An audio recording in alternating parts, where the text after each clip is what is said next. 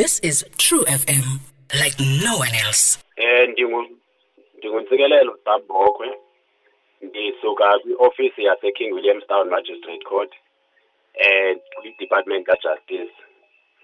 Eh ngizawuthetha ngokwalomthetho apho umongameli ebewusayinile ngoSeptember ka-2015 lo mthetho umalunga nabantu abangasibhataliyo isapoti sabo umongameli uye wathi lo mthetho uzawunceda into yobana abantu abangasibhataliyo isapoti sabo okanye abangabondliyo abantwana babo bafakwe kwindawo ekuthiwa zii-credit bureaus apho umntu engazokwazi khona ukufumana ubuncwane okanye ii-enjoyments apho azakwazi uvula ii-accounts okanye akwazi uthenga imoto indlu and also apho angazokwazi ukwenza nto before kube kujongwa i-credit profile yakhe.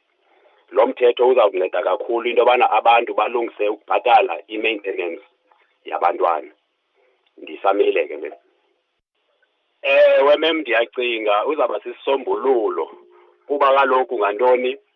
Xana umntu ethe akabhatala isondlo sakhe nyanga nenyanga kuba kaloku xana kwenziwa i-order ecourt kuthiwa umntu makabhatale nyanga nenyanga.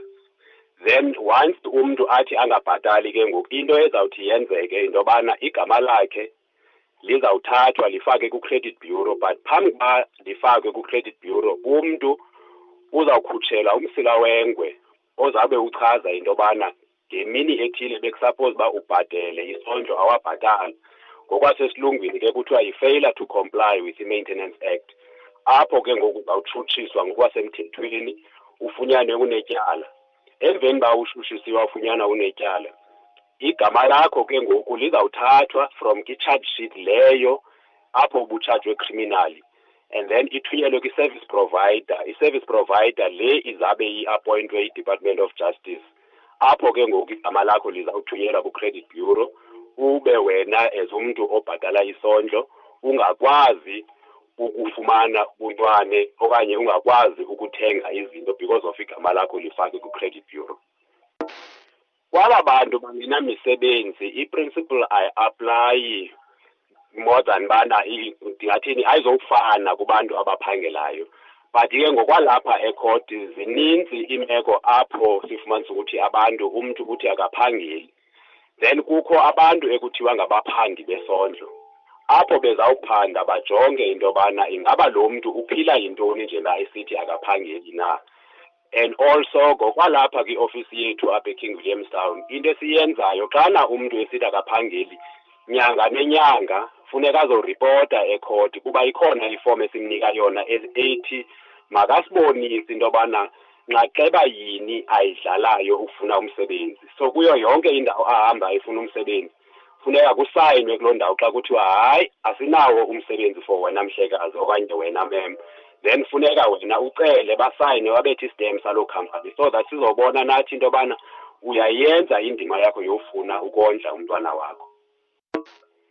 Eh amazwi okugqibela endifuna uwaphosa into yobana njengobana lo mthetho eh kuthiwa uimplementiwe already but ngokwalapha kuthi eking williamstown eh asika-implement lo mthetho lo kodwa ukwi-process and also njengoba ukuprocess nje thina ke kusekho into esisebenza ngayo ekuthiwa i-attachment of i-emoluments apho umntu athi abe semva si-athashe imali from kwisalary yakhe lo mntu uphangelayo.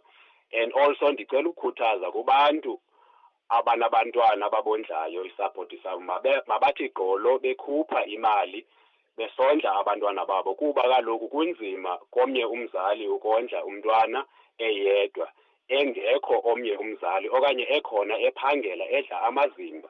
So ndifuna ukukhuthaza kootata into yobana mabondle abantwana babo babe zii-responsible fathers. Enkosi. This is True FM, like no one else.